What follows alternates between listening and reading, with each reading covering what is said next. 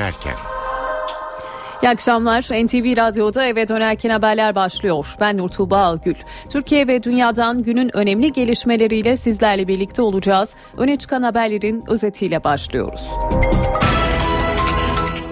Ankara'da Meclis Genel Kurulu ve Bakanlar Kurulu Soma faciası ile ilgili toplandı. Gündem facianın nasıl olduğu, yaraların nasıl sarılacağı ve bundan böyle faciaların nasıl önleneceği.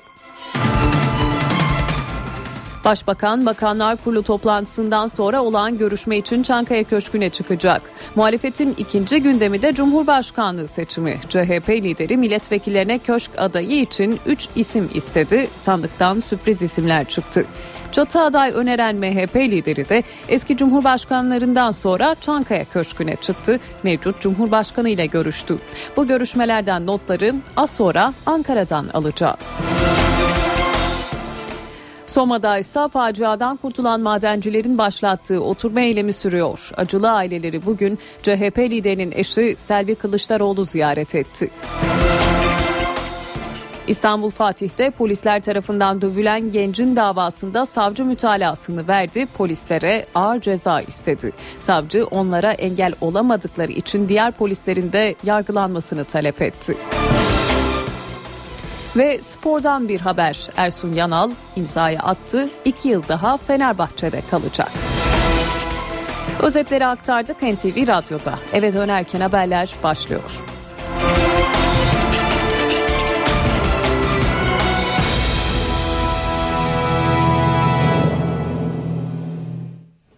Ankara Soma faciasına odaklandı. Meclis Genel Kurulu bugün Soma gündemiyle toplandı. Bu kez kürsüye Çalışma ve Sosyal Güvenlik Bakanı Faruk Çelik çıktı. Faciaya ilişkin açıklamalarda bulundu. Bakan Çelik madencilik için vahim iş dedi.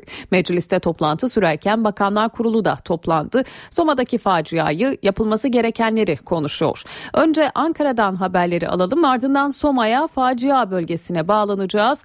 NTV muhabiri Özgür Akbaş telefonda Özgür seni dinliyoruz. Türkiye Büyük Millet Meclisi bugün de Soma'da yaşanan faciayı konuşuyor. Soma'daki facianın tüm detayları değerlendiriliyor. Aslında Soma'da yaşanan facianın hemen ardından hem yargısal hem idari soruşturma başlatıldı ve o soruşturmalar sürüyor. Ancak mecliste de hem iktidar hem de muhalefet partileri meclisin de bu konuyu araştırmasını istiyor. 301 madenciye mezar olan maden faciasını meclisin de denetlem, denetlemesini istiyorlar. İşte bu anlamda tam 11 araştırma önergesi verildi. Bu önergeler birleştirildi ve şu an itibariyle bu önergelerin görüşmeleri gerçekleşiyor Meclis Genel Kurulu'nda. Hem muhalefet milletvekilleri konuşuyor hem iktidar partisinden milletvekilleri konuşuyor ama e, Çalışma ve Sosyal Güvenlik Bakanı Faruk Çelik'in açıklamaları bir hayli önemliydi. Bu açıklamalar arasında Bakan Çelik Soma'daki maden faciasının ardından denetim konusunun denetlenmesi noktasında talimat verdiğini açıkladı. Olayla ilgili suçlu kimse şüpheniz olmasın ortaya çıkacaktır dedi Bakan Çelik ve hangi koşullarda ocağın kapatılacağını da tek tek saydı. Şimdi Bakan Çelik'in o önemli açıklamalarını getirelim. Hepsine, hepsine savcılık el koymuş durumda. Kimin nerede ne ihmali var, kimin nerede yok bunlar çok net bir şekilde ortaya çıkacak. Tablo aslında vahim. 160 Ocak'tan bahsediyoruz. 162 kapatmadan bahsediyoruz. Cezalardan bahsediyoruz, müeyyidelerden bahsediyoruz. Aslında bizim bu mevcut kömür çıkarma sistemimizin nasıl bir tablo arz ettiğini ortaya koyması açısından son derece önemli olduğunu belirtmek istiyorum. Teftiş anlık bir hadise. Gereken olmazsa olmazlar değerlendiriliyor ve bunlar rapor haline getiriliyor. Eksik var mı? Bunlar bunlar belirleniyor. Ama ocak canlı bir organizma. Burada bir saat sonra neyin olacağı, bir gün sonra neyin olacağı ve bir ay sonra ne olacağını bilemiyorsunuz. Deniyor ki efendim yasa var ama İLO'nun bazı sözleşmeleri var deniyor. Çıkardığımız iş sağlığı güvenliği yasası bu sözleşmeleri kuşatan, bu sözleşmelerin gerisinde olmayan, aksine ilerisinde olan bir düzenlemedir. Facianın ardından sorumluların istifa etmesi isteniyor. Kamuoyundaki bu beklentiye ilişkin AK Parti Genel Başkan Yardımcısı Hüseyin Çelik'ten açıklama geldi. Çelik ihmal varsa istifa mekanizmasının çalıştırılması gerektiğini söyledi. Çalışma Bakanı Faruk Çelik'in sorumlu olup olmadığı sorusuna da cevap verdi. Bir insanın bir olayda kusuru varsa, ihmali varsa, eksikliği varsa ve bir şekilde şu veya bu şekilde bir sorumluluk üstlenmişse demokrasilerde istifa mekanizması çalıştırılır, çalıştırılması gerekiyor. Ve kim ama bakın bu kim sorusu içerisinde herkes var. Kimin kusuru, ihmali e, ve sorumluluk üstlenmemek gibi bir tavrı varsa mutlak surette onun yakasına yapışılmalıdır. Bu 301 şehidimizin bir şekilde hesabı sorulmalıdır. Sayın Bakanımız bu benim alanıma girmiyor diyemez. Oradaki çalışma şartları, iş sağlığı ve iş güvenliği Çalışma ve Sosyal Güvenlik Bakanlığı'ndan sorulur. Ama bu işletmenin çalışması, bu işletmenin ruhsatlandırılması, bu işletmenin buradaki kömürün çıkarılması, bunun bütün işlemleri Enerji Bakanlığı ile ilgilidir.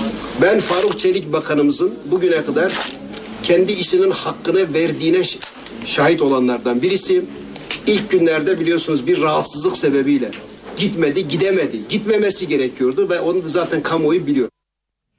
Muhalefet cephesinden gelen açıklamalarla devam edelim. CHP sözcüsü Haluk Koç ise Başbakanın Zonguldak'ta 30 işçinin öldüğü maden kazasından sonra yaptığı açıklamaları hatırlattı. 4 yılda hiçbir şey değişmemiş dedi. Zonguldak'ta meydana gelen bir maden faciasında 30 işçiyi kaybettiğimiz gün madenciliğin kaderinde böyle olaylar vardır. Böyle ölümler vardır. Değerlendirmesini yapmıştı anımsayın. 4 yıl önce. Soma'da 4 yıl sonra 301 işçinin ölümünden sonra da aynı zat aynı zat o acılı insanların önünde literatürde iş kazası denilen bir kavram vardır. Bunun yapısında fıtratında bunlar var diye buyurabilmektedir. Yani şunu gösteriyor bu sözler. Geçen dört yıl boyunca bu kişinin ilkel zihniyetinde hiçbir şeyin değişmediğini, değişme ihtimalinin de olmadığını kanıtlayan sözlerdir bunlar. HDP ise Başbakan Erdoğan, Enerji Bakanı Taner Yıldız ve Çalışma Bakanı Faruk Çelik hakkında gen soru önergesi verdi. HDP ile Asip Kaplan'ın açıklamasını dinliyoruz. Soma'da yaşanan facia ile ilgili Sayın Başbakan'ın siyaseten sorumlu olduğu ve önlem, denetim, kurtarma çalışmalarında hükümetin sorumsuz davrandığı, yetersiz, ciddiyetsiz, baskıcı, sorunları koruyan, kollayan politikaları olduğunu dikkate alarak gen soru önergesi verdik. Baş sorumlunun hükümetin başı olduğu İLO'nun 176 sayılı madenlerde güvenlik ve sağlık sözleşmesini de imzalamadıkları maalesef bir gerçek. Başbakanın dışında direkt denetim sorumlu olan iki bakanlık vardır. Şimdi Soma'ya geçelim. Maden faciasının ardından başlatılan soruşturma sürüyor. Mahkeme işletmeci şirketin yönetim kurulu başkanı Alp Gürkan hakkındaki yakalama kararı talebini reddetti. Faciadan kurtulanlar bir yandan ifade veriyor, bir yandan da kaymakamlık binası önünde protesto eylemini sürdürüyor. Son bilgileri NTV bölge temsilcisi Merih Ak aktarıyor. Soma faciasının üzerinden 8 gün geçti ve 8 günlük süreç içerisinde hem adli soruşturma devam ediyor hem de eylemler. Adli soruşturmayla başlayalım. Savcılık ki bir önceki bültenlerimize dile getirmiş savcılık Holding Yönetim Kurulu Başkanı Alp Gürkan için yakalama istemişti. Ancak mahkeme bu isteği kabul etmedi. Kabul etmeme gerekçesi şirketin pay sahibi olması, suçlu olması anlamına gelmez denildi. Ayrıca ön belirkişi raporunda da suçlu görünmüyor diye bilgi notu yazıldı. Bilirkişi raporları bekleniyor. Tam bilir, bilirkişi raporu çıktıktan sonra iddianamenin hazırlanması bekleniyor. Bu bilirkişi raporunun ardından yeni gözaltıların, yeni tutuklamaların olabileceği de gelen bilgiler arasında özellikle bu madende denetim yapan müfettişlerle ilgili e, soruşturma başlatılabilecek. Bunlarla ilgili de önümüzdeki süreçte gelişmeler olabilir. Savcılık yetkililerinden verilen bilgilere göre de özellikle bu son dönemlerde yapılan haberlerde 85 Taksim 2 TCK'nın 85 Taksim 2 maddesine göre ki bu taksirle adam e, birden fazla kimsenin ölümüne ya da yaralanmasına neden olmak maddesi. Bunun önümüzdeki süreçte iddianame hazırlanırken illa bunun olacağı ihtimali olmadığı, bunun değişebileceği yani bilinçli taksirle ölüme neden olmaktan zanlıların yargılanabileceği bilgisi de bize ulaştı. Bu da şu anlama geliyor ki taksirle e, adam öldürmek biliyorsunuz 2 yılla 15 yıl arasında değişiyor ve ağır cezalık mahkeme ancak bütün yaşamını yitirenler için toplam bir ceza veriliyor. 2 ile 15 yıl arası ancak öbür madde ise her ölüm için tek bir ceza öngörüyor. Bu arada ölüm olayların ardından sendika da e, işçiler arasında bir gerginlik vardı. E, işçiler dün öğle saatlerinde oturma eylemi başlatmışlar Soma Kaymakamlığı önünde. Şu anda bu eylem e, devam ediyor. 24 saati aştı. Ancak işçiler zaman zaman gerginlik yaşıyor. Şöyle ki az önce Maden İş e, Sendikası Genel Merkezi'nden bir grup e, geldi. Onlarla şu anda işçiler aradı. İşçiler bir görüşme yapıyor. Zaman zaman seslerin yükseldiğini duyuyoruz. Peki ne istiyor işçiler? Facianın meydana gel geldiği madende yeniden üretim yapılıncaya kadar mevcutta çalışan işçilerin maaşlarının üretim devam ediyormuş gibi ödenmesi isteniyor. Bu şirkette çalışan hiçbir kimsenin hiçbir işçinin işten çıkarılmaması isteniyor. Üretim yapılan tüm işletmelerde iş güvenliği ve işçi sağlığı konusundaki şartların devletin garantisi ve kontrolünün en üst düzeye getirilmesi gerektiği vurgulanıyor ve sendikanın Soma şubesi yöneticilerinde istifa etmesini ve yeni bir seçim yapılmasını talep ediyorlar. Evet e, hem adliyenin içi hem adliyenin önünde eylemler, e, hareketlilik, büyük bir hareketlilik var. Bu hareketlilik devam ediyor. Tekrarlamak neler var? 8 kişi tutuklanmış, 9 kişi adli denetim serbestliği kapsamında e, salı verilmişti. E, ve işçilerin kaymakamlık önünde oturma eylemi de 24. saatini doldurdu. Soma'da AFAD ve Kızılay ekipleri de yakınlarını kaybedenlere sosyal ve psikolojik destek veriyor ve Soma'ya ziyaretçi akını sürüyor. Bugün CHP liderinin eşi Selvi Kılıçdaroğlu oradaydı. Ölen madencilerin ailelerine taziye ziyaretinde bulundu. Soma'dan notları NTV muhabiri Özden Erkuş aktaracak. Özden Büyük acının yaşandığı Soma'ya ziyaretler sürüyor. CHP lideri Kemal Kılıçdaroğlu'nun eşi Selvi Kılıçdaroğlu bugün Soma'da Kılıçdaroğlu öğle saatlerinde geldi Soma'ya ve ilk durağı faciada ikiz oğullarını kaybeden Çata ailesiydi. Oğulları İsmail ve Süleyman Çata'yı hiç ayırmayan, aynı anda okula, askerliğe gönderen, hatta aynı anda evlendiren acılı anne baba Selvi Kılıçdaroğlu'nu evlerinin kapısında karşıladı. Anne Sevim Çata Kılıçdaroğlu'nu görünce gözyaşları içinde ona sarıldı. Selvi Kılıçdaroğlu Sevim Çata'yı uzun süre sarılarak teskin etmeye çalıştı. Selvi Kılıçdaroğlu'nun bir sonraki durağı ise Soma'daki acının simgesi haline gelen mezarlık ve madenci şehitliğiydi. Selvi Kılıçdaroğlu şehitlikte yatan tüm madencilerin mezarları önünde durdu. Hepsine ayrı ayrı dua etti. Mezarlara karanfiller bıraktı. Kılıçdaroğlu daha sonra Soma'da bir başka acılı aileyi ziyaret etti. Bu kez ziyaret ettiği kazada ilk anda hayatını kaybetmeyen ancak kurtulmasına rağmen arkadaşları için tekrar madene girdiğinde can veren Tayyip Şenli'nin ailesiydi. Şenli'nin ailesiyle görüşen Kılıçdaroğlu daha sonra faciada hayatını kaybeden bir başka maden işçisi Ahmet Ali Aslan'ın evine gitti. Eşi Marziye Aslan'a taziye edildi. Aslan'ın 11 aylık bebeği Küçük Mustafa'nın böbrek rahatsızlığı bulunuyor. Kılıçdaroğlu'nun son durağı yine bir maden işçisinin evi oldu. Kalbi delik bir çocuğu olan satılmış cinle görüşen Kılıçdaroğlu her iki bebeğin tedavi masraflarının CHP milletvekili Mehmet Haberal tarafından karşılanacağını iletti. Öte yandan Soma'da geride kalan acılı aileler içinde ilk adımlar atılmaya başlandı. Kayıplarla travma yaşayan ailelere AFAD ve Kızılay ekiplerinin psikolojik destek uygulaması başladı. Facia bölgesindeki evlere giden ekipler ailelerin yaşadıkları büyük travmayı aşmaları konusunda yardımcı olmaya çalışıyorlar. Öncelik babalarını kaybeden çocuklara veriliyor. Toplam 43 kişilik ekibin çalışmasının hedefinde sadece hayatlarını kaybedenlerin yakınları yok.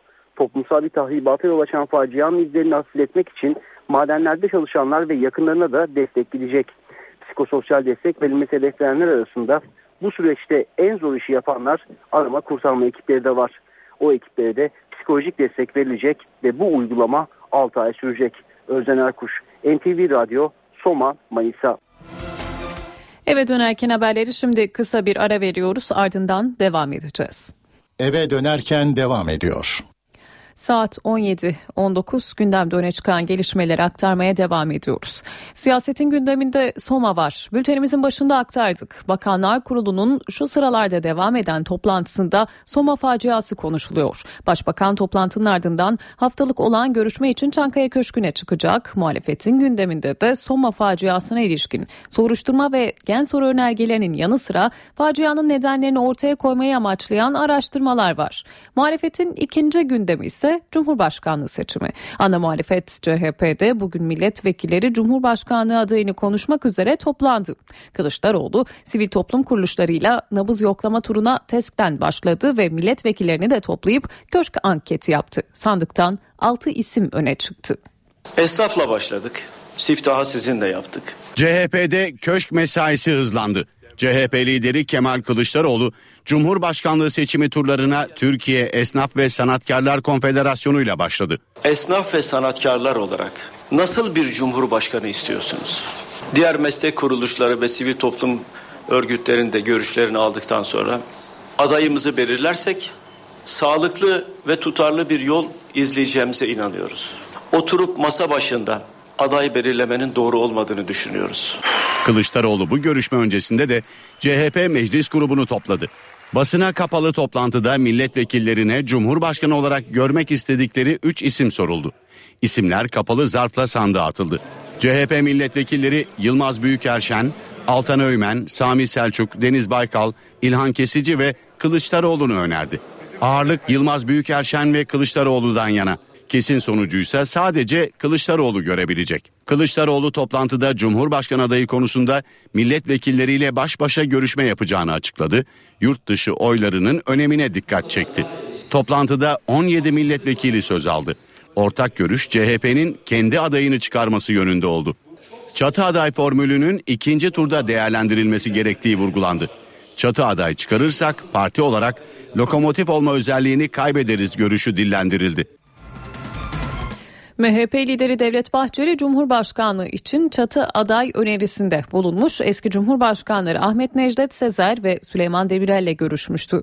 Bahçeli bugün de Çankaya Köşkü'ne çıktı. Cumhurbaşkanı Abdullah Gül ile bir araya geldi. Son bilgileri NTV muhabiri Deniz Kilislioğlu'ndan alacağız. Deniz Görüşme bitti ve yarım saat sürdü. Bu görüşmede MHP liderinin Cumhurbaşkanı Abdullah Gül'e çatı aday formülüyle ilgili görüşlerini aktardığı, o adayın nitelikleri ne olabilir bununla ilgili görüşlerini aktardığını söyleyebiliriz. Tabii ki seçim sürecine ve adaylık sürecine ilişkin Abdullah Gül'ün görüşlerini dinlediğini söylemekte çok yanlış olmayacak. Ee, ama tabii bir çatı aday belirleyebilir mi muhalefet? Bugün aslında bu ihtimal biraz daha zora girmiş durumda. CHP zira bugün e, mecliste e, toplantı yaptı ve o toplantıdan bir çatı aday yerine kendi adaylarının çıkartılması görüşü ağırlık kazandı. Partililer, milletvekilleri böyle bir görüş içeride ifade ettiler. Dolayısıyla bundan sonra nasıl bir yol izlenecek tabii bu merak ediliyor ama MHP liderinin temasları sürecek. Sivil toplum örgütü temsilcileriyle görüşecek. MHP'li yetkililer henüz bir takvim netleşmediğini bu görüşmelere ilişkin söylüyorlar ama görüşmelerin devam edeceğini biliyoruz. Ankara'da Soma ve Cumhurbaşkanlığı seçimi gündemlerinin yanı sıra çözüm sürecine yönelik yeni temaslar dikkat çekiyor. Son temas HDP heyetinin dün Başbakan Yardımcısı Beşir Atalay, İçişleri Bakanı Efkan Ala ve Adalet Bakanı Bekir Bozdağ ile görüşmesi oldu. Bakan Atalay gazetecilerin bu görüşmeye ilişkin sorularını yanıtladı. NTV'nin edindiği bilgiye göre HDP'li vekiller hükümetten yeni sınır karakolları yapımının durdurulmasını istedi. BDP ile BDP milletvekilleriyle şimdi HDP oldu. Zaman zaman bir araya geliyoruz. Dünkü de onlardan birisiydi. Mutat görüşmelerden birisiydi. Çözüm süreciyle ilgili olağanüstü bir durum yok. Çözüm süreciyle ilgili bir aksama yok. Çözüm süreci yürüyor. HDP ile yapılan görüşme de olağan bir görüşmeydi. Başbakan Yardımcısı Beşir Atalay, Salı günü HDP Grup Başkan Vekilleri Pervin Buldan, İdris Baluken ve İstanbul Milletvekili Sırrı Süreyya Önder'le yapılan görüşmeyi böyle özetledi. Başbakan Erdoğan başkanlığındaki 19 Mayıs'ta yapılan toplantıyı da hatırlattı. Çözüm süreciyle ilgili şu anda neredeyiz, neler yapılıyor, bundan sonrasına genel bir bakış olarak bir değerlendirmeydi. İkisi de çok faydalı oldu. Özellikle süreci yürüten bizler için bu tür toplantılara zaman zaman tabii ihtiyaç oluyor. Yeni kararlar, yeni talimatlar gerekebiliyor. Daha önce İmralı ve Kandil'de de temaslarda bulunan HDP heyetinin Başbakan Yardımcısı Beşir Atalay, İçişleri Bakanı Efkan Ala ve Adalet Bakanı Bekir Bozdağ'la görüşmesi 1 saat 45 dakika sürmüştü. NTV'nin edindiği bilgilere göre toplantıda hükümet çözüm sürecinin ilerlemesi için de adım atılacağı mesajı verdi. HDP heyeti ise yeni sınır karakollarının yapımının devam etmesi konusunda endişelerini dile getirdi. Terörle mücadele kanununun kaldırılması ve çözüm sürecine ilişkin yasal düzenlemelerin hayata geçmesini talep etti. Diyarbakır'da çocuklarının PKK tarafından kaçırıldığını iddia eden 3 aile Büyükşehir Belediyesi önünde oturma eylemi başlattı. 23 Nisan'da Lice'de pikniğe gittikten sonra kaybolan 3 çocuğun örgüt tarafından alıkonulduğunu öne süren aileler çocuklarına kavuşuncaya kadar eylemlerine devam edeceklerini açıkladı. İstanbul Fatih'te bir vatandaşı döven polislere ağır ceza geliyor. Savcı sadece o polislere değil onlara engel olmadıkları için diğer polislerin de yargılanmasını istedi. Savcı 11 polis için işkence suçundan 12'şer yıl hapis istedi. Mütalasını verirken ceza yeterli değil. Alıkoyma suçu için de ceza verilmeli dedi. İki yıl önce İstanbul Fatih'te yaşanan polis şiddetinde yargı karar aşamasına geldi. İddiaya göre askerden izinli olarak gelen Ahmet Koca kimlik sormak için aracını durduran polise karşı gelmişti. Ancak polisler Ahmet Koca'yı ailesinin gözü önünde araçtan indirdi. Dakikalarca öldüresiye dövüldü. Sadece bir araba değil. Ondan sonra anons ettiler. 4-5 tane daha araba geldi. Hepsi bir arada vurdular yani. Yere düşürdüler. Yerde de vurdular. Kuytu bir köşede dakikalarca öldüresiye dövüldü. Tekmelendi, coplandı, yüzüne biber gazı sıkıldı. Şiddet kelepçelenip bindirildiği polis aracında da devam etti. Sirkeci yolundaki sahil yolunda beni bir götürüp bir getiriyorlardı. Sırf ailem bana ulaşmasın diye. Akıllara durgunluk veren olay bir vatandaş tarafından cep telefonu kamerasıyla kaydedildi. Yaşananlar meclis gündemine de geldi. İstanbul'daki dün gece olan polis vatandaş e, olayını izledim. Tabii o onaylanacak bir şey değil değerli milletvekilimiz. Yani bunların gereği yapılır. Zaten İçişleri Bakanlığı da hemen müfettiş görevlendirdi. Olaya karışan polisler hakkında işkence suçundan 12'şer yıl hapis isteyen savcı Hüseyin Aslan esas hakkındaki mütalasını verdi. Aslan iddianame eksik hazırlandı dedi. Polislere alıkoyma suçundan da ceza verilmesi gerektiğini belirtti. Ayrıca karakoldaki görevli polislerin de sessiz kalarak suça iştirak ettiklerini belirten Aslan onların da yargılanması gerektiğini söyledi.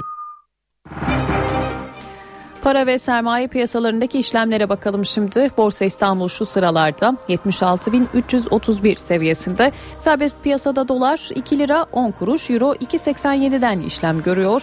Kapalı çarşıda ise Cumhuriyet altını 590, çeyrek altın 142 liradan satılıyor. Kısa bir ara veriyoruz ardından NTV Radyo'nun yayını Ben Bu İşte Ustayım programıyla devam edecek. Saatler 18'i gösterdiğinde gündemde öne çıkan gelişmeleri eve dönerken haberlerde sizlere aktarmaya devam edeceğiz. Eve dönerken devam ediyor. Saat 18.01 NTV Radyo'da eve dönerken haberler devam ediyor. Ben Nur Tuğba Algül. Günün öne çıkan haberlerinden satır başlarını hatırlatalım. Meclis Soma gündemiyle toplandı. Genel kurulda facianın nedenleri tartışılıyor. Eleştirilerin odağındaki isim Çalışma Bakanı Faruk Çelik, facianın yaşandığı madende 8 kez teftiş yapıldığını söyledi. Bakan Çelik, maden ocakları ile ilgili tablonun vahim olduğunu da söyledi. Soma'da faciadan kurtulan madencilerin başlattığı oturma eylemi sürüyor. Enerji Bakanlığı taleplerini dinlemek için 15 maden işçisini Ankara'ya çağırdı. Muhalefet liderleri Cumhurbaşkanlığı seçimi için düğmeye bastı. CHP lideri partisinin vekillerine köşk için kimi aday olarak görmek istersiniz sorusunu yöneltti. MHP lideri Devlet Bahçeli ise köşke çıktı. Çatı aday önerisi konusunda Cumhurbaşkanı Abdullah Gül'ün görüşlerini aldı. Kıbrıs sorununun çözümü için müzakereler hızlandı. Amerika Birleşik Devletleri Başkan Yardımcısı Joe Biden bugün adaya gitti. Temaslarına yarın başlayacak olan Biden'ın Kuzey Kıbrıs Türk Cumhuriyeti Cumhurbaşkanı Dervişeroğlu ile görüşebileceği de ifade ediliyor. Öne çıkan haberlerden satır başları böyle. Şimdi ayrıntılar.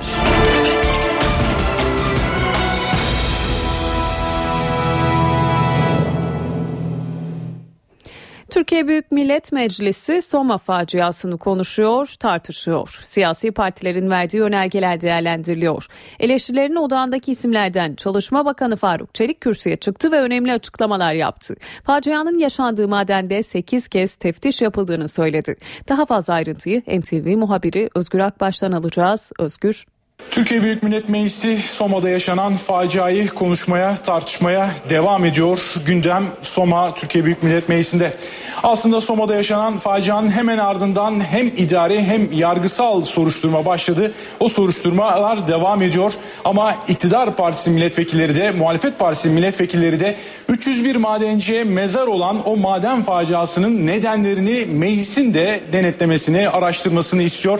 İşte bu nedenle tam 11 araştırma önergesi araştırma komisyonu kurulmasına ilişkin önerge verildi. O önergeler birleştirildi ve o birleştirilen önerge üzerine şu an görüşmeler, konuşmalar yapılıyor. Muhalefet Partisi milletvekilleri kürsüdeydi. E, siyasi sorumluluğun olduğuna dikkat çektiler ve onlardan bir tanesi o muhalefet milletvekillerinden bir tanesi CHP Manisa milletvekili Hasan Ören bir gelene, geleneği başlatmaya var mısınız diye seslendi iktidara ve iki bakanı istifaya davet etti. Çalışma ve Sosyal Güvenlik Bakanı Faruk Çelik ve Enerji ve Tabi Kaynaklar Bakanı Taner Yıldız'ı istifaya davet etti. Konuşmalar devam ediyor ama Çalışma ve Sosyal Güvenlik Bakanı Faruk Çelik'in açıklamaları da bir hayli önemliydi. Bakan Çelik Soma'daki maden faciasının ardından Türkiye'deki maden işletmeleriyle ilgili tablonun vahim olduğunu söyledi ve facianın hemen ardından denetim konusunun denetlenmesi için talimat verdiğini de ifade etti. Önemli bir açıklamaydı bu. Olayla ilgili suçlu kimse şüpheniz olmasın ortaya çıkacak dedi Bakan Faruk Çelik.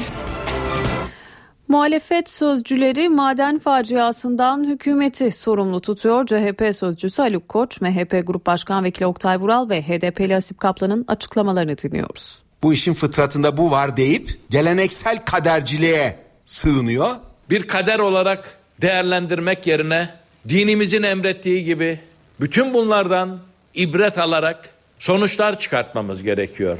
Muhalefet, Başbakan Recep Tayyip Erdoğan'ın Soma faciasının ardından kullandığı kazalar bu işin fıtratında var açıklamasına tepkili. CHP ve MHP'ye göre facianın sorumluları arasında hükümet de var.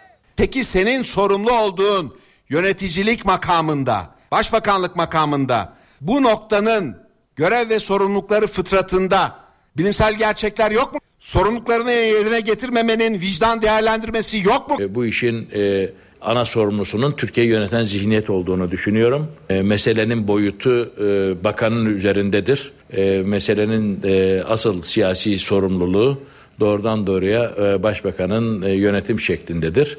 HDP ise Başbakan Erdoğan'la Enerji Bakanı Taner Yıldız ve Çalışma Bakanı Faruk Çelik hakkında gen soru önergesi verdi. Soma'da yaşanan facia ile ilgili Sayın Başbakan'ın siyaseten sorumlu olduğu ve önlem, denetim, kurtarma çalışmalarında hükümetin sorumsuz davrandığı dikkate alarak gen soru önergesi verdik.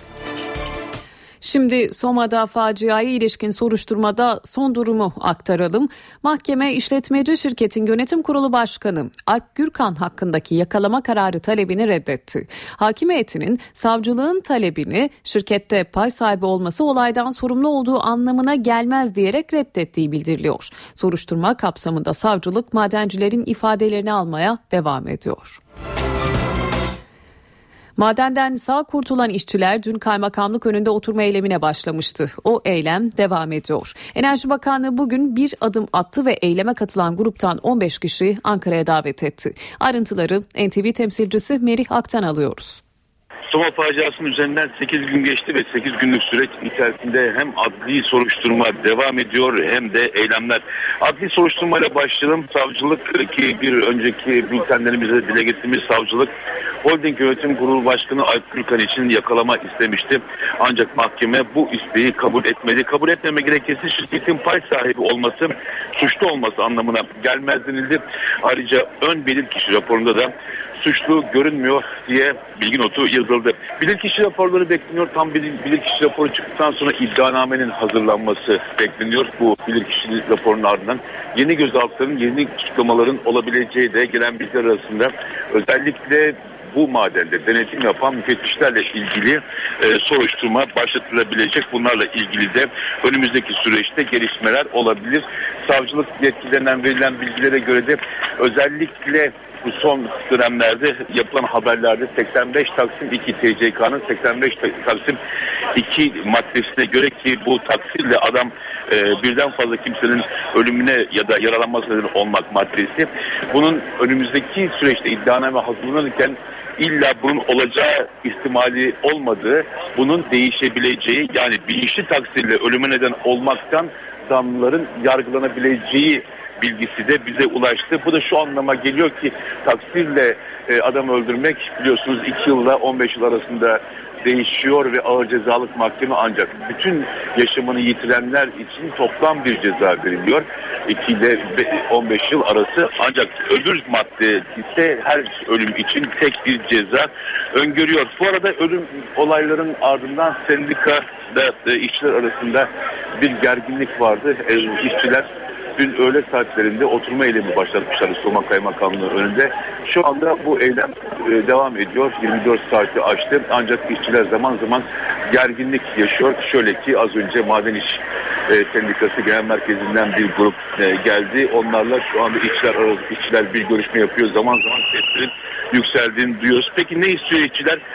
facianın meydana gel geldiği madende yeniden üretim yapılıncaya kadar mevcutta çalışan işçilerin maaşlarının üretim devam ediyormuş gibi ödenmesi isteniyor. Bu şirkette çalışan hiçbir kimsenin, hiçbir işçinin işten çıkarılmaması isteniyor. Üretim yapılan tüm işletmelerde iş güvenliği ve işçi sağlığı konusundaki şartların devletin garantisi ve kontrolünün en üst düzeye getirilmesi gerektiği vurgulanıyor ve sendikanın Soma şubesi yöneticilerinde istifa etmesini ve yeni bir seçim yapılmasını talep ediyorlar. Evet e, hem adliyenin içi hem adliyenin önünde eylemler, e, hareketlilik, büyük bir hareketlilik var. Bu hareketlilik devam ediyor. Tekrarlamaktalar var. 8 kişi tutuklanmış, 9 kişi adli denetim serbestliği kapsamında e, salı verilmişti. E, ve işçilerin kaymakamlık önünde oturma eylemi de 24. saatini doldurdu.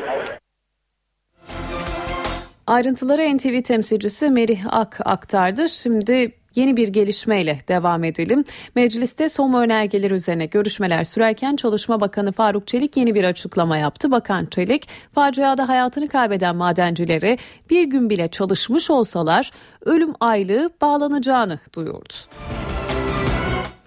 Facianın üzerinden 8 gün geçti. Yaralar sarılmaya çalışılıyor. Afat ve Kızılay ekipleri bölgede yakınlarını kaybedenlere sosyal ve psikolojik destek sağlamaya başladı. Soma'da aileler maden faciasında yaşamını yitiren yakınlarının yasını tutuyor. Kayıplarla travma yaşayan ailelere AFAD ve Kızılay ekiplerinin sosyal ve psikolojik destek uygulaması başladı. Aralarında sosyal hizmet uzmanı, psikolog ve aile hekimlerinin bulunduğu 43 kişilik ekip 4 ilde psikososyal destek çalışmaları uyguluyor. Evleri ziyaret ederek ailelerin acılarını paylaşan uzmanlar babalarını kaybeden çocuklara öncelik veriyor.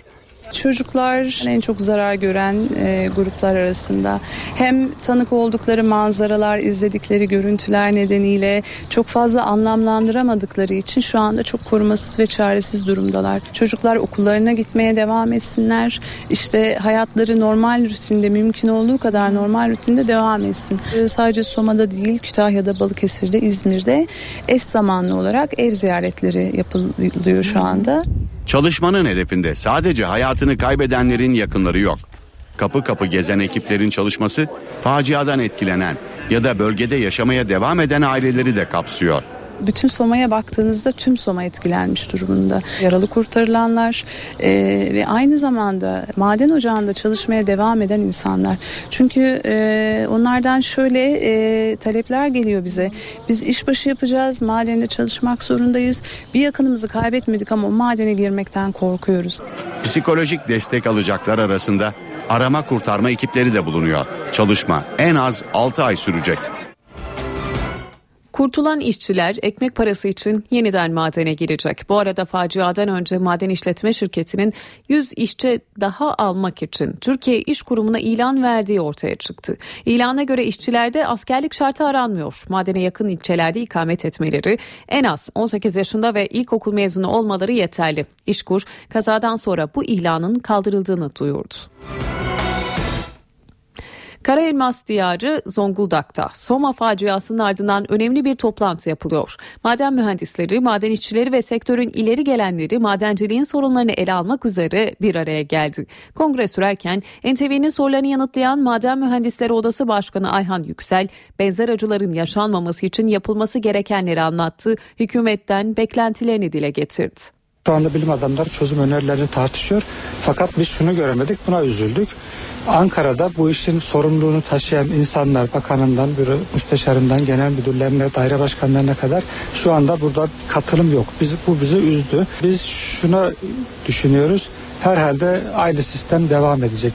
Bunu kanıtı da şu ki bugün maden kanunun Bakanlar Kurulu'na sevk edildiğini duyduk. Daha önce Soma kazasından önce yapılan bir çalışmaydı bu. E, o zaman alelacele bugün sunulduysa demek ki Soma kazasına ilişkin hiçbir düzenleme yer almadı ya da bizlerin haberi yok. Eğer ki meslek odaları burada, sendikalar burada, üniversiteler burada, bilim adamları burada.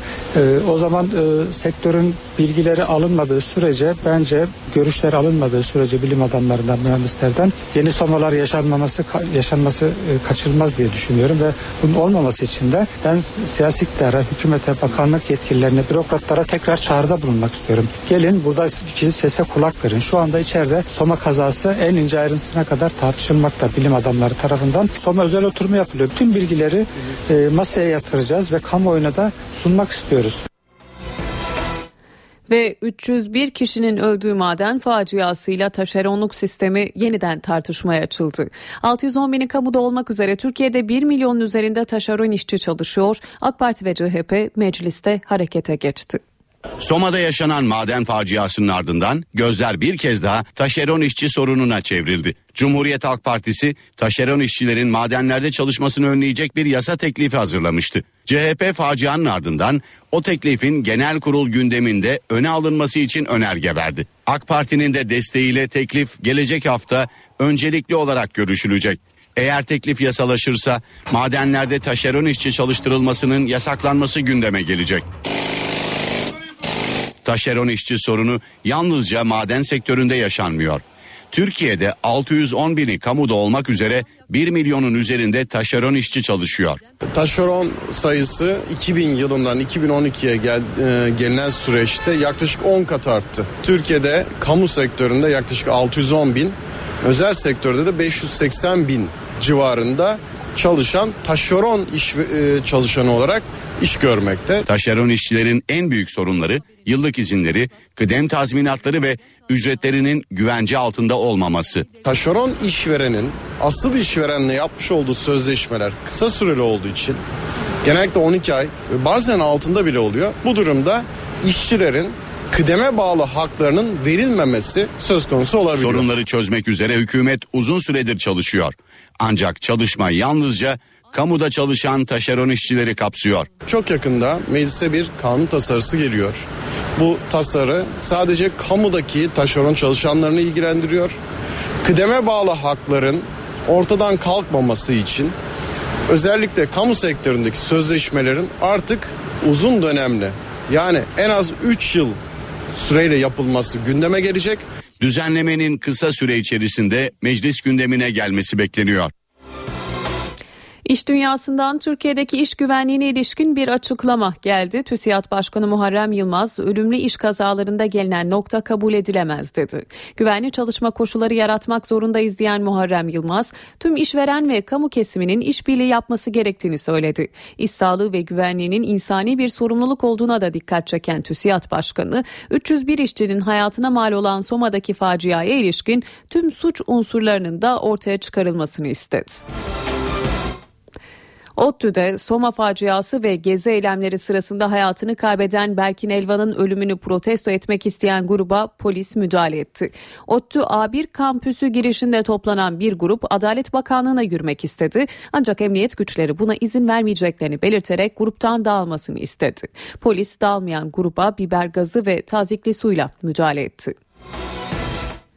Eve dönerken haberlere şimdi kısa bir ara veriyoruz ardından devam edeceğiz. Eve dönerken devam ediyor. Saat 18.23 siyasetin gündemiyle devam ediyoruz. Ağustos ayında yapılacak Cumhurbaşkanlığı seçimi öncesi muhalefet liderleri görüş alışverişinde bulunuyor. CHP lideri Kemal Kılıçdaroğlu önce partisinin vekilleriyle bir araya geldi. Köşk için isim önerisi aldı. Daha sonra STK turuna çıktı. MHP lideri Devlet Bahçeli ise ortak çatı aday önerisi konusunda Cumhurbaşkanı Abdullah Gül'ün önerilerini dinledi. Köşk seçimiyle ilgili muhalefetteki hareketliliği NTV muhabiri Miray Aktağ Uluç aktarıyor. Miray. Muhalefetin gündeminde Cumhurbaşkanlığı seçimi vardı. Bugün hem CHP hem MHP liderleri köşk seçimiyle ilgili turlarına devam ediyorlar. Aslında CHP Genel Başkanı Kemal Kılıçdaroğlu bugün başladı. Devlet Bahçeli ise e, dün ilk görüşmesini yapmıştı. Ahmet Necdet Sezer'le bir araya gelmişti. Süleyman Demirel'le bir araya gelmişti. Ve sonrasında bugün de Cumhurbaşkanı Abdullah Gül'le köşk adayı konusunda çatı aday konusunda görüş alışverişinde bulundu. Cumhuriyet Halk Partisi'ne geri dönecek olursak Kemal Kılıçdaroğlu bugün ilk görüşmesini yaptı demiştik. E, TESK'le bir araya geldi. CHP Genel Başkanı Kemal Kılıçdaroğlu ve orada yaptığı açıklamada Esnaf ve Sanatkarlar Odası'na nasıl bir cumhurbaşkanı istediklerini soracağını ifade etti ve daha sonra STK'lardan görüşlerini aldıktan sonra adaylarını belirleyeceklerini söyledi. Oturup masa başında aday belirlemenin doğru olmadığını düşünüyoruz dedi Kemal Kılıçdaroğlu ve herkesin e, rahatlıkla bu benim cumhurbaşkanı diyebilecekleri bir adayı belirlemeye çalıştıklarını ifade etti kimseyi ötekileştirmeyen bir ismi arıyoruz dedi Cumhuriyet Halk Partisi lideri Kemal Kılıçdaroğlu. CHP liderinin bu görüşme sırasında herhangi bir isim vermediği de belirtildi. Edindiğimiz bilgiye göre Cumhuriyet Halk Partisi lideri isim sordu ama testten de bir isim gelmedi. Onlar da benzer görüşteydi. Tüm kesimlere hitap eden bir adayın çıkması gerektiğini ifade ettiler. CHP lideri de yine isim vermediğini söylemiştik. Zira bir isim verirsem bu sürece zarar verir dedi. Bu yüzden farklı isimler üzerinde çalışmaların devam ettiğini de ifade etti. Cumhuriyet Halk Partisi'nde bugün konuyla ilgili bir toplantı da vardı. CHP kapalı grup toplantısını e, gerçekleştirdi. Bugün yaklaşık 1 saat 20 dakika süren bir toplantıydı.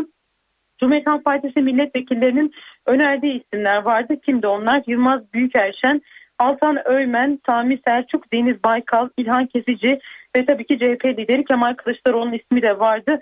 Aynı zamanda Adnan Menderes'in torunu Adnan Menderes de yine o toplantıda önerilen isimlerden biriydi.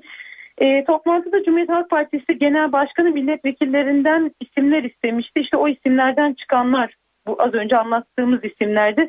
Kapalı zarfla sandığa attı Cumhuriyet Halk Partisi Genel Başkanı'na e, istediği bu isimleri milletvekilleri. E, CHP Genel Başkanı o toplantının sonunda yaptığı konuşmada milletvekilleriyle baş başa görüşme yapacağını söyledi ki bu öneri milletvekillerinden birinde geldi toplantı sırasında. Burada görüşlerimizi rahat olarak dile getiremiyoruz dediklerinde Kemal Kılıçdaroğlu da baş başa bir görüşme yapabileceğini söyledi. Yurt dışı oyların önemine dikkat çekti. O kapalı toplantıda Türk kökenli vatandaşların oylarının son derece önemli olduğunu söyledi CHP lideri ve ayın 30'una kadar konsolosluklara kayıtlarını yaptırmaları için CHP milletvekillerinin yurt dışındaki tüm imkanlarını kullanmalarını istedi. Toplantıda 17 milletvekili söz aldı. Ortak görüş CHP'nin kendi adayını çıkarması gerekiyor. Yani Çatay'ın ikinci tura kalması gerektiği görüşü Cumhuriyet Halk Partisi'nde hakimdi. E, hangi isimlerde e, CHP'nin kendi adayını çıkarması gerektiği görüşünde olanlar Aytu Atıcı, Osman Korutürk, Ömer Süha Aldan, Binnaz Sofrak, Kadir Gökmen Öğüt, e, Ali Haydar Öner gibi isimler çatı adayın ikinci turda olabileceğini ifade ettiler. Ve ilk turda CHP'nin kendi adayını çıkarması gerektiği görüşü e, ağırlık bastı. Ve aslında Cumhuriyet Halk Partisi milletvekillerinin bir önceki daha önce geçtiğimiz günlerde yapılan il başkanları toplantısında yine ortaya çıkan Yılmaz Büyükerşen'in ismini destekledikleri görüldü. Yani CHP'de İbre Yılmaz Büyükerşen'den yana e, kayıyor gibi gözüküyor. Oğuz Oya'nın bu konuda yaptığı bir açıklama vardı toplantıda. Çatı aday çıkartırsak lokomotif olma özelliğini kaybederiz dedi. Ve çatı adayı savunanlar ise CHP'de MHP'nin görüşünün ne olduğunun bir an önce öğrenilmesi gerektiğini ifade ettiler. Onlar da ortak bir aday çıkartılması gerektiği görüşündelerdi. Toplantıda ilginç bir görüş de Kamer Genç'ten geldi. Recep Tayyip Erdoğan'ın karşısındaki tek aday ben olmalıyım dedi. Hem kendisine oy kullandı hem de partiden 20 milletvekilinin birleşerek kendisinin aday gösterilmesini istedi. Ve Kamer Genç'le birlikte bazı milletvekilleri de Cumhurbaşkanlığı seçimi konusunda Abdullah Gül'den CHP lideri Kemal Kılıçdaroğlu'nun randevu istememesi gerektiğini belirtti. Kapalı toplantıdan detaylar bu şekildeydi. CHP Genel Başkanı Köşkür'de Devlet Bahçeli gibi devam ediyor. Kemal Kılıçdaroğlu Cuma günü saat 11'de ziraat odaları ile bir araya gelecek ve bundan sonraki süreçte TÜSİAD, MÜSİAD, DİSK, Türkiye Tabipler Birliği, Türk Tabipler Birliği gibi çok sayıda sivil toplum örgütüyle, TÜKONFET'le bir araya gelecek ve CHP Genel Başkanı bu sürecin ardından partisinin Cumhurbaşkanı adayını da belirleyecek. CHP'nin yönetim kadrosu tarafından son söz söylenecek ama bu süreçte muhalefet partilerinin turları bir süre daha devam edecek gibi görünüyor. Köşk seçimiyle ilgili muhalefette muhalefet cephesinde yaşananları ve açıklamaları NTV muhabiri Miray Akdağ Uluç aktardı.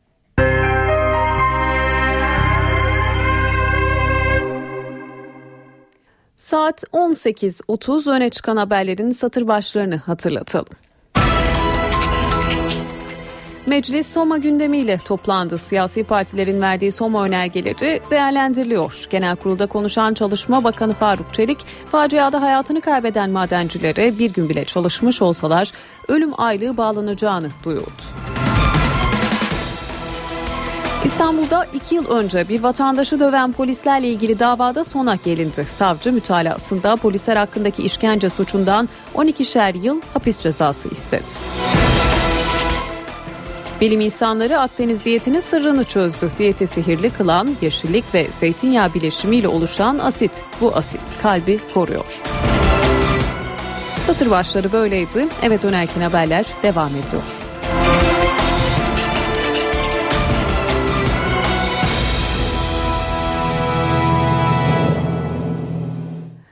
Ankara'da Soma ve Cumhurbaşkanlığı seçimi gündemlerinin yanı sıra çözüm sürecine yönelik görüşmelere de hız veriliyor. Son temas HDP heyetinin dün Başbakan Yardımcısı Beşir Atalay, İçişleri Bakanı Efkan Ala ve Adalet Bakanı Bekir Bozdağ ile görüşmesi oldu. Bakan Atalay gazetecilerin bu görüşmeye ilişkin sorularını yanıtladı. NTV'nin edindiği bilgiye göre HDP'li vekiller hükümetten yeni sınır karakolları yapımının durdurulmasını istedi. BDP ile, BDP milletvekilleriyle şimdi HDP oldu. Zaman zaman bir araya geliyoruz. Dünkü de onlardan birisiydi, mutat görüşmelerden birisiydi. Çözüm süreciyle ilgili olağanüstü bir durum yok. Çözüm süreciyle ilgili bir aksama yok. Çözüm süreci yürüyor. HDP ile yapılan görüşme de olağan bir görüşmeydi. Başbakan Yardımcısı Beşir Atalay, Salı günü HDP Grup Başkan Vekilleri Pervin Buldan, İdris Baluken ve İstanbul Milletvekili Sırrı Süreyya Önder'le yapılan görüşmeyi böyle özetledi. Başbakan Erdoğan başkanlığındaki 19 Mayıs'ta yapılan toplantıyı da hatırlattı. Çözüm süreciyle ilgili şu anda neredeyiz, neler yapılıyor, bundan sonrasına genel bir bakış olarak bir değerlendirmeydi. İkisi de çok faydalı oldu. Özellikle süreci yürüten bizler için bu tür toplantılara zaman zaman tabii ihtiyaç oluyor. E, yeni kararlar, yeni talimatlar gerekebiliyor. Daha önce İmralı ve Kandil'de de temaslarda bulunan HDP heyetinin Başbakan Yardımcısı Beşir Atalay, İçişleri Bakanı Efkan Ala ve Adalet Bakanı Bekir Bozdağ'la görüşmesi 1 saat 45 dakika sürmüştü. NTV'nin edindiği bilgilere göre toplantıda hükümet çözüm sürecinin ilerlemesi için de adım atılacağı mesajı verdi. HDP heyeti ise yeni sınır karakollarının yapımının devam etmesi konusunda endişelerini dile getirdi. Terörle mücadele kanununun kaldırılması ve çözüm sürecine ilişkin yasal düzenlemelerin hayata geçmesini talep etti. İstanbul Fatih'te bir vatandaşı döven polislere ağır ceza geliyor. Savcı sadece o polislere değil onlara engel olamadıkları için diğer polislerin de yargılanmasını istedi. Savcı 11 polis için işkence suçundan 12'şer yıl hapis istedi. Mütalasını verirken ceza yeterli değil. Alıkoyma suçu için de ceza verilmeli dedi. İki yıl önce İstanbul Fatih'te yaşanan polis şiddetinde yargı karar aşamasına geldi. İddiaya göre askerden izinli olarak gelen Ahmet Koca kimlik sormak için aracını durduran polise karşı gelmişti. Ancak polisler Ahmet Koca'yı ailesinin gözü önünde araçtan indirdi. Dakikalarca öldüresiye dövüldü. Sadece bir araba değil. Ondan sonra anons ettiler. 4-5 tane daha araba geldi. Hepsi bir arada vurdular yani. Yere düşürdüler. Yerde de vurdular. Kuytu bir köşede dakikalarca öldüresiye dövüldü. Tekmelendi, coplandı, yüzüne biber gazı sıkıldı. Şiddet kelepçelenip bindirildiği polis aracında da devam etti. Sirkeci yolundaki sahil yolunda beni bir götürüp bir getiriyorlardı. Sırf ailem bana ulaşmasın diye. Akıllara durgunluk veren olay bir vatandaş tarafından cep telefonu kamerasıyla kaydedildi. Yaşananlar meclis gündemine de geldi. İstanbul'daki dün gece olan polis vatandaş e, olayını izledim. Tabii o onaylanacak bir şey değil değerli milletvekilimiz. Yani bunların gereği yapılır. Zaten İçişleri Bakanlığı da hemen müfettiş görevlendirdi. Olaya karışan polisler hakkında işkence suçundan 12'şer yıl hapis isteyen savcı Hüseyin Aslan esas hakkındaki mütalasını verdi. Aslan iddianame eksik hazırlandı dedi. Polislere alıkoyma suçundan da ceza verilmesi gerektiğini belirtti. Ayrıca karakoldaki görevli polislerin de sessiz kalarak suça iştirak ettiklerini belirten Aslan onların da yargılanması gerektiğini söyledi. 17 Aralık soruşturmasında yeni bir gelişme var. İran asıllı iş adamı Rıza Sarraf soruşturma kapsamında ek ifade için savcılığa çağrıldı. Terör ve örgütlü suçlar soruşturma bürosu savcısı Ekrem Aydıner şüphelilerin bazı iddiaları cevaplamadığını tespit etti ve ek sorguya başladı. Bu kapsamda ilk olarak Rıza Sarraf bugün Çağlayan'daki İstanbul Adalet Sarayı'na avukatıyla birlikte gitti ve yaklaşık 45 dakika ifade verdi. Rıza Sarraf 17 Aralık'taki operasyonda tutuklandıktan 70 gün sonra tahliye edilmişti. CHP liderini sehven ifadeye çağıran savcı Mehmet Demir, kendisine hakaret edildiği iddiasıyla Kemal Kılıçdaroğlu, Gürsel Tekin ve Haluk Koç hakkında suç duyurusunda bulundu. Savcı Demir, söz konusu davetiyenin sehven çıkarıldığını belirttim. Buna rağmen grup toplantısında sana diplomayı kim verdi? Bilal'in savcısı diyerek şahsıma hakaret etti dedi. Karkov İstanbul seferini yapan yolcu uçağını 7 Şubat'ta kaçırma girişiminde bulunan hava korsanı adli kontrol hükümleri uygulanarak tahliye edildi. Savcı 42 yıla kadar hapis istenen Ukrayna uyruklu korsanın kaçma şüphesi nedeniyle tutukluluğunun devamını istedi. Ancak mahkeme delilleri karartma şüphesi bulunmadığı gerekçesiyle tahliyesine karar verdi.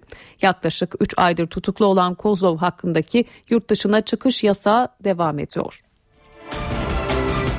Tokat ve Erzurum'da meydana gelen trafik kazalarında 5 kişi hayatını kaybetti. 19 kişi yaralandı. Tokat'ın Turhal ilçesinde kontrolden çıkan araç 20 metre yükseklikten uçuruma yuvarlandı. Kazada 5 kişi hayatını kaybetti. 4 kişi de yaralandı.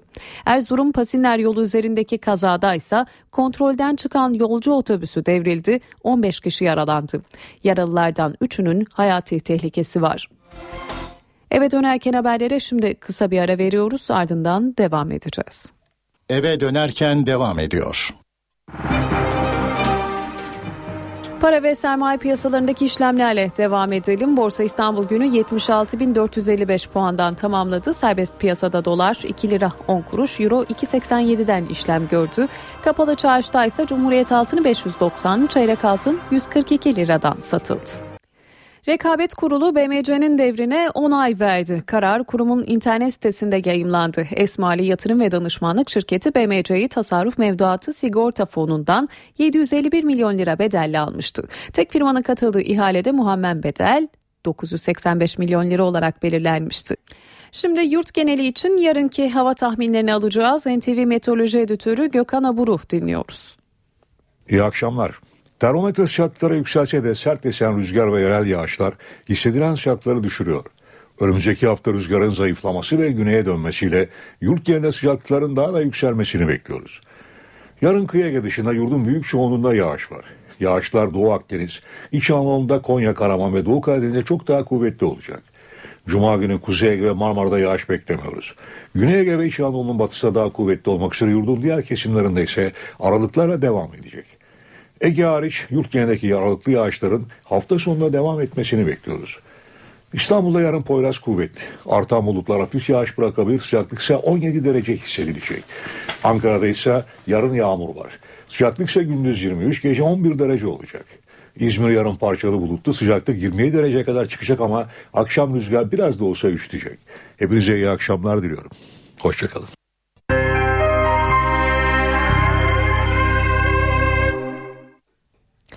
Kıbrıs sorununun çözümü için müzakereler hızlandı. Amerika Birleşik Devletleri Başkan Yardımcısı Joe Biden bugün adaya gitti. Washington'dan adaya 52 yıl sonra gerçekleşen bu tarihi ziyaretin ayrıntılarını NTV Lefkoşa temsilcisi Selim Sayırı aktarıyor. Selim 52 yıl aradan sonra bir Amerikan başkan yardımcısı Kıbrıs'a geliyor.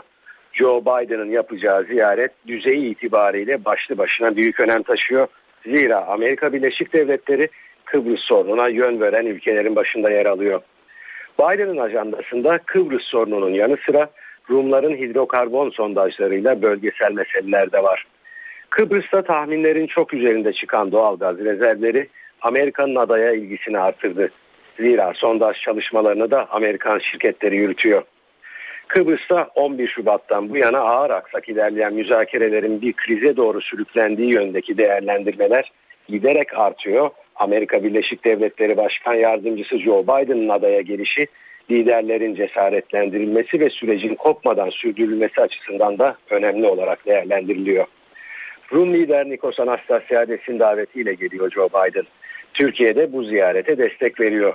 Müzakere sürecinin hızlandırılması gerektiğini düşünen Ankara, Amerika'nın ilgisinden memnun. Diğer ülkelere de örnek olmasını istiyor.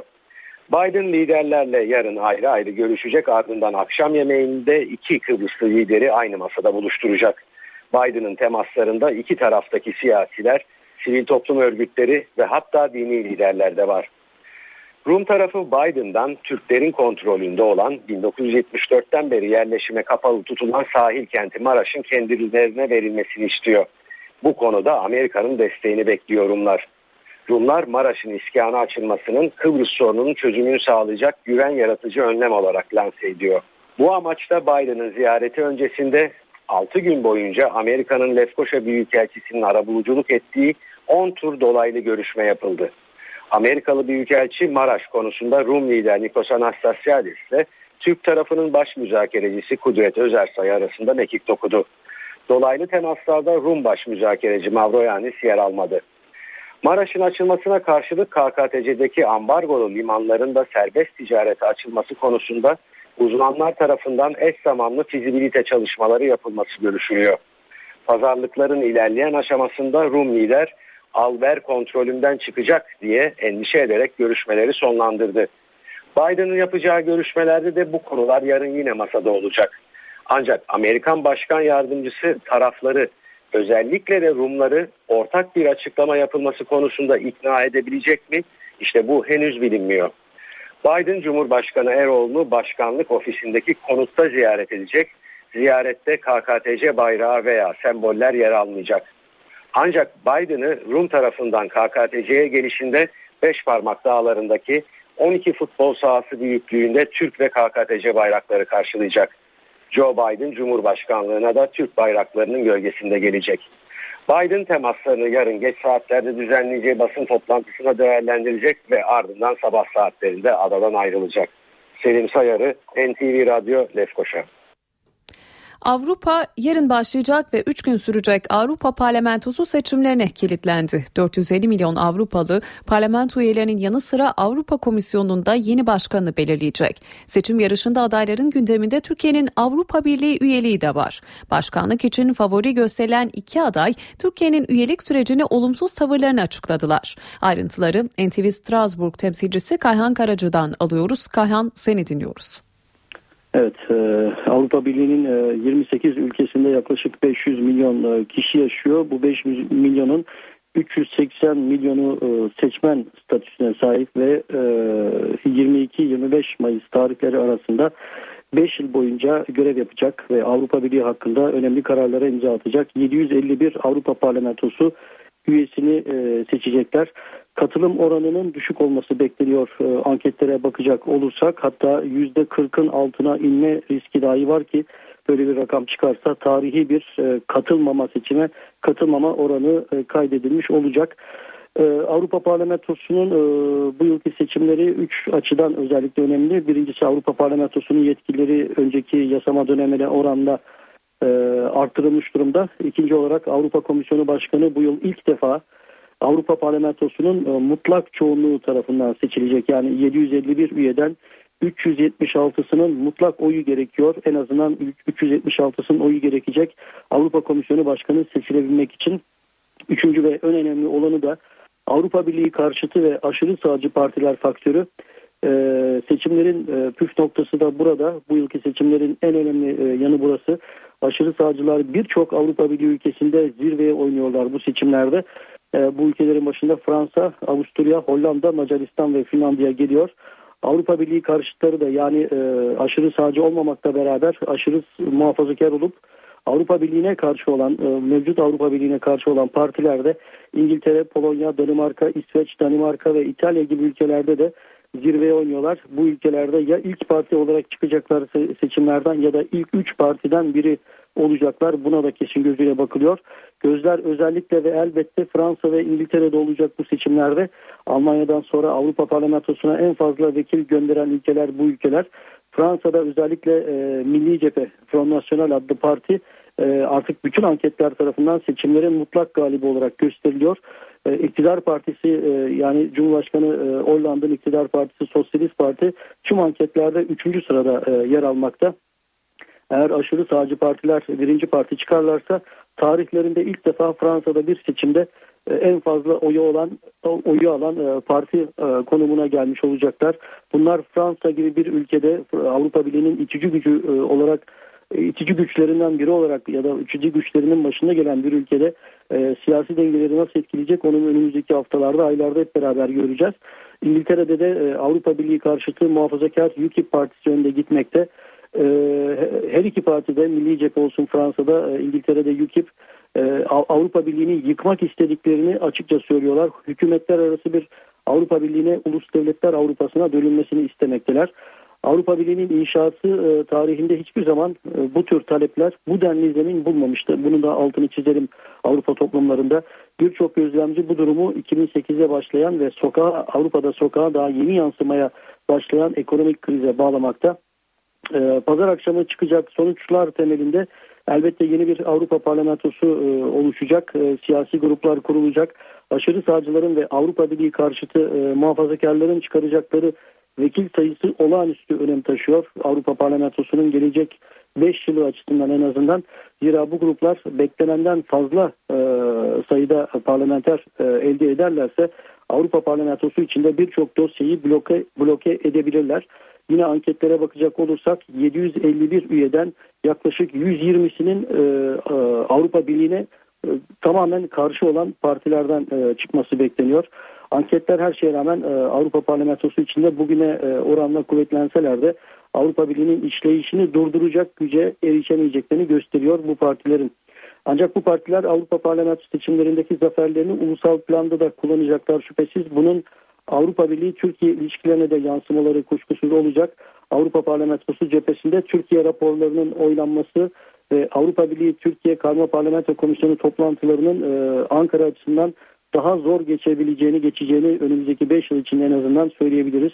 Ulusal planda da yüksek oranda oy aldıkları ülkelerde iktidarları Türkiye'ye karşı daha sert politika izlemeleri, Türkiye'nin AB politikasının önünü tıkamaları konusunda zorlayabilirler. Bu konuda Fransa'yı örnek gösterebiliriz. Eğer olur da biraz önce belirttiğim gibi Fransa'da aşırı sağcılar birinci parti gelir, iktidardaki e, sosyalist parti üçüncü parti çıkarsa gerçekten e, Fransa gibi bir ülkede e, ki Türkiye'nin e, Fransa ile ne kadar zor ilişkiler yaşadığını hepimiz biliyoruz. E, Türkiye e, Fransa'da iktidarı Türkiye konusunda oldukça zorlayabilirler. E, Cumhurbaşkanı e, François e, Hollande'ın eli de Türkiye konusunda oldukça zayıflayabilir. Avrupa Parlamento seçimlerine ilişkin son notları NTV Strasbourg temsilcisi Kayhan Karaca aktardı. Şimdi eve dönerken haberleri kısa bir ara veriyoruz. Saat 19'da gelişmeleri aktarmaya devam edeceğiz. Eve dönerken devam ediyor. Saat 19 ben Nur Tuba Algül eve dönerken haberlerde günün öne çıkan başlıklarını aktarıyoruz. Başbakan Erdoğan köşke çıkıyor. Haftalık olan görüşme kapsamında gerçekleşecek olan buluşmada Cumhurbaşkanı Abdullah Gül ile Başbakan köşk seçimlerini masaya yatıracak. Meclis Soma gündemiyle toplandı. Genel kurulda facianın nedenleri tartışılıyor. Eleştirilerin odağındaki isim Çalışma Bakanı Faruk Çelik, facianın yaşandığı madende 8 kez teftiş yapıldığını söyledi. Bakan Çelik, maden ocakları ile ilgili tablonun vahim olduğunu da ekledi. CHP Manisa Milletvekili Özgür Özel ise kürsüye siyah baretle çıktı. Özel faciada devletin sorumluluğu olduğunu söyledi. Bizler görevimizi yitire yerine getiremedik. 301 madencimizi yitirdikten sonra komisyon kuruyoruz dedi. Soma'da faciadan kurtulan madencilerin başlattığı oturma eylemi sürüyor. Enerji Bakanlığı taleplerini dinlemek için 15 maden işçisini Ankara'ya çağırdı. Genelkurmay Başkanı Orgeneral Necdet Özel ile eski Genelkurmay Başkanı İlker Başbuğ'un Ankara'da bir araya geldikleri ortaya çıktı. Görüşme yaklaşık 15 gün önce İlker Başbuğ Anayasa Mahkemesi önündeki adalet nöbetine destek vermek için Ankara'ya geldiğinde gerçekleşti. Askeri kaynaklar eski Genelkurmay Başkanlarının başkentte geldiklerinde görevdeki Genelkurmay Başkanı'nı ziyaretinin bir gelenek olduğunu ve görüşmenin de bu çerçevede gerçekleştiğini belirttiler. İstanbul'da iki yıl önce bir vatandaşı döven polislerle ilgili davada sona gelindi. Savcı mütalasında polisler hakkında işkence suçundan 12'şer yıl hapis cezası istedi. İstanbul'da Gezi Parkı eylemleri sırasında bir otomobilin çarpması sonucu hayatını kaybeden Mehmet Ayvalıtaş'ın ölümüyle ilgili davada üçüncü duruşma görüldü. Oturma gelmeyen sanık Cengiz Aktaş hakkında yakalama kararı çıkartıldı. Mahkeme olay yeri ve sonrasını gösterir tüm kamera kayıtlarının bulunması için Emniyet Müdürlüğü'ne müzekere yazılmasına da karar verdi. Kıbrıs 1962'den bu yana ilk defa bir Amerika Birleşik Devletleri Başkan Yardımcısını ağırlıyor. ABD Başkan Yardımcısı Joe Biden az önce adaya adak ayak bastı. Biden Larnaka Havaalanı'nda yaptığı açıklamada Amerika Birleşik Devletleri'nin adadaki barış görüşmelerine desteğini vurguladı. Kuzey Kıbrıs Türk Cumhuriyeti Cumhurbaşkanı Derviş Eroğlu'yla da görüşecek olan Biden açıklamasında ülkesinin adada sadece Güney Kıbrıs Rum yönetimi tanıdığının altını çizdi. Fenerbahçe Teknik Direktör Ersun Yanal'ın sözleşmesini iki yıl uzattı.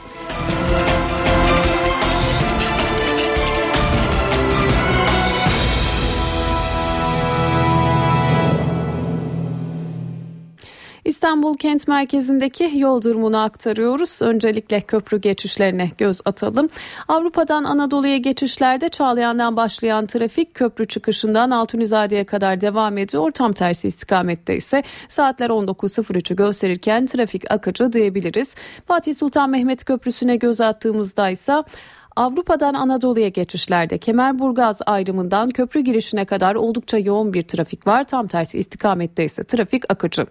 Bir notta aktaralım Kadıköy evlendirme dairesi Uzunçayır istikameti bakım çalışması nedeniyle bir şerit trafiğe kapalı. Yine iki telli köprü kavşağı halkalı yönü bakım çalışması nedeniyle bir şerit trafiğe kapalı.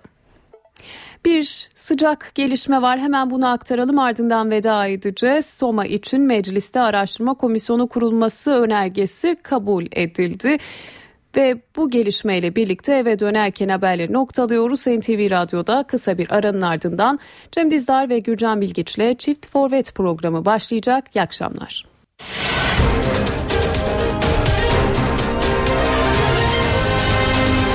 NTV Radyo, Türkiye'nin haber radyosu.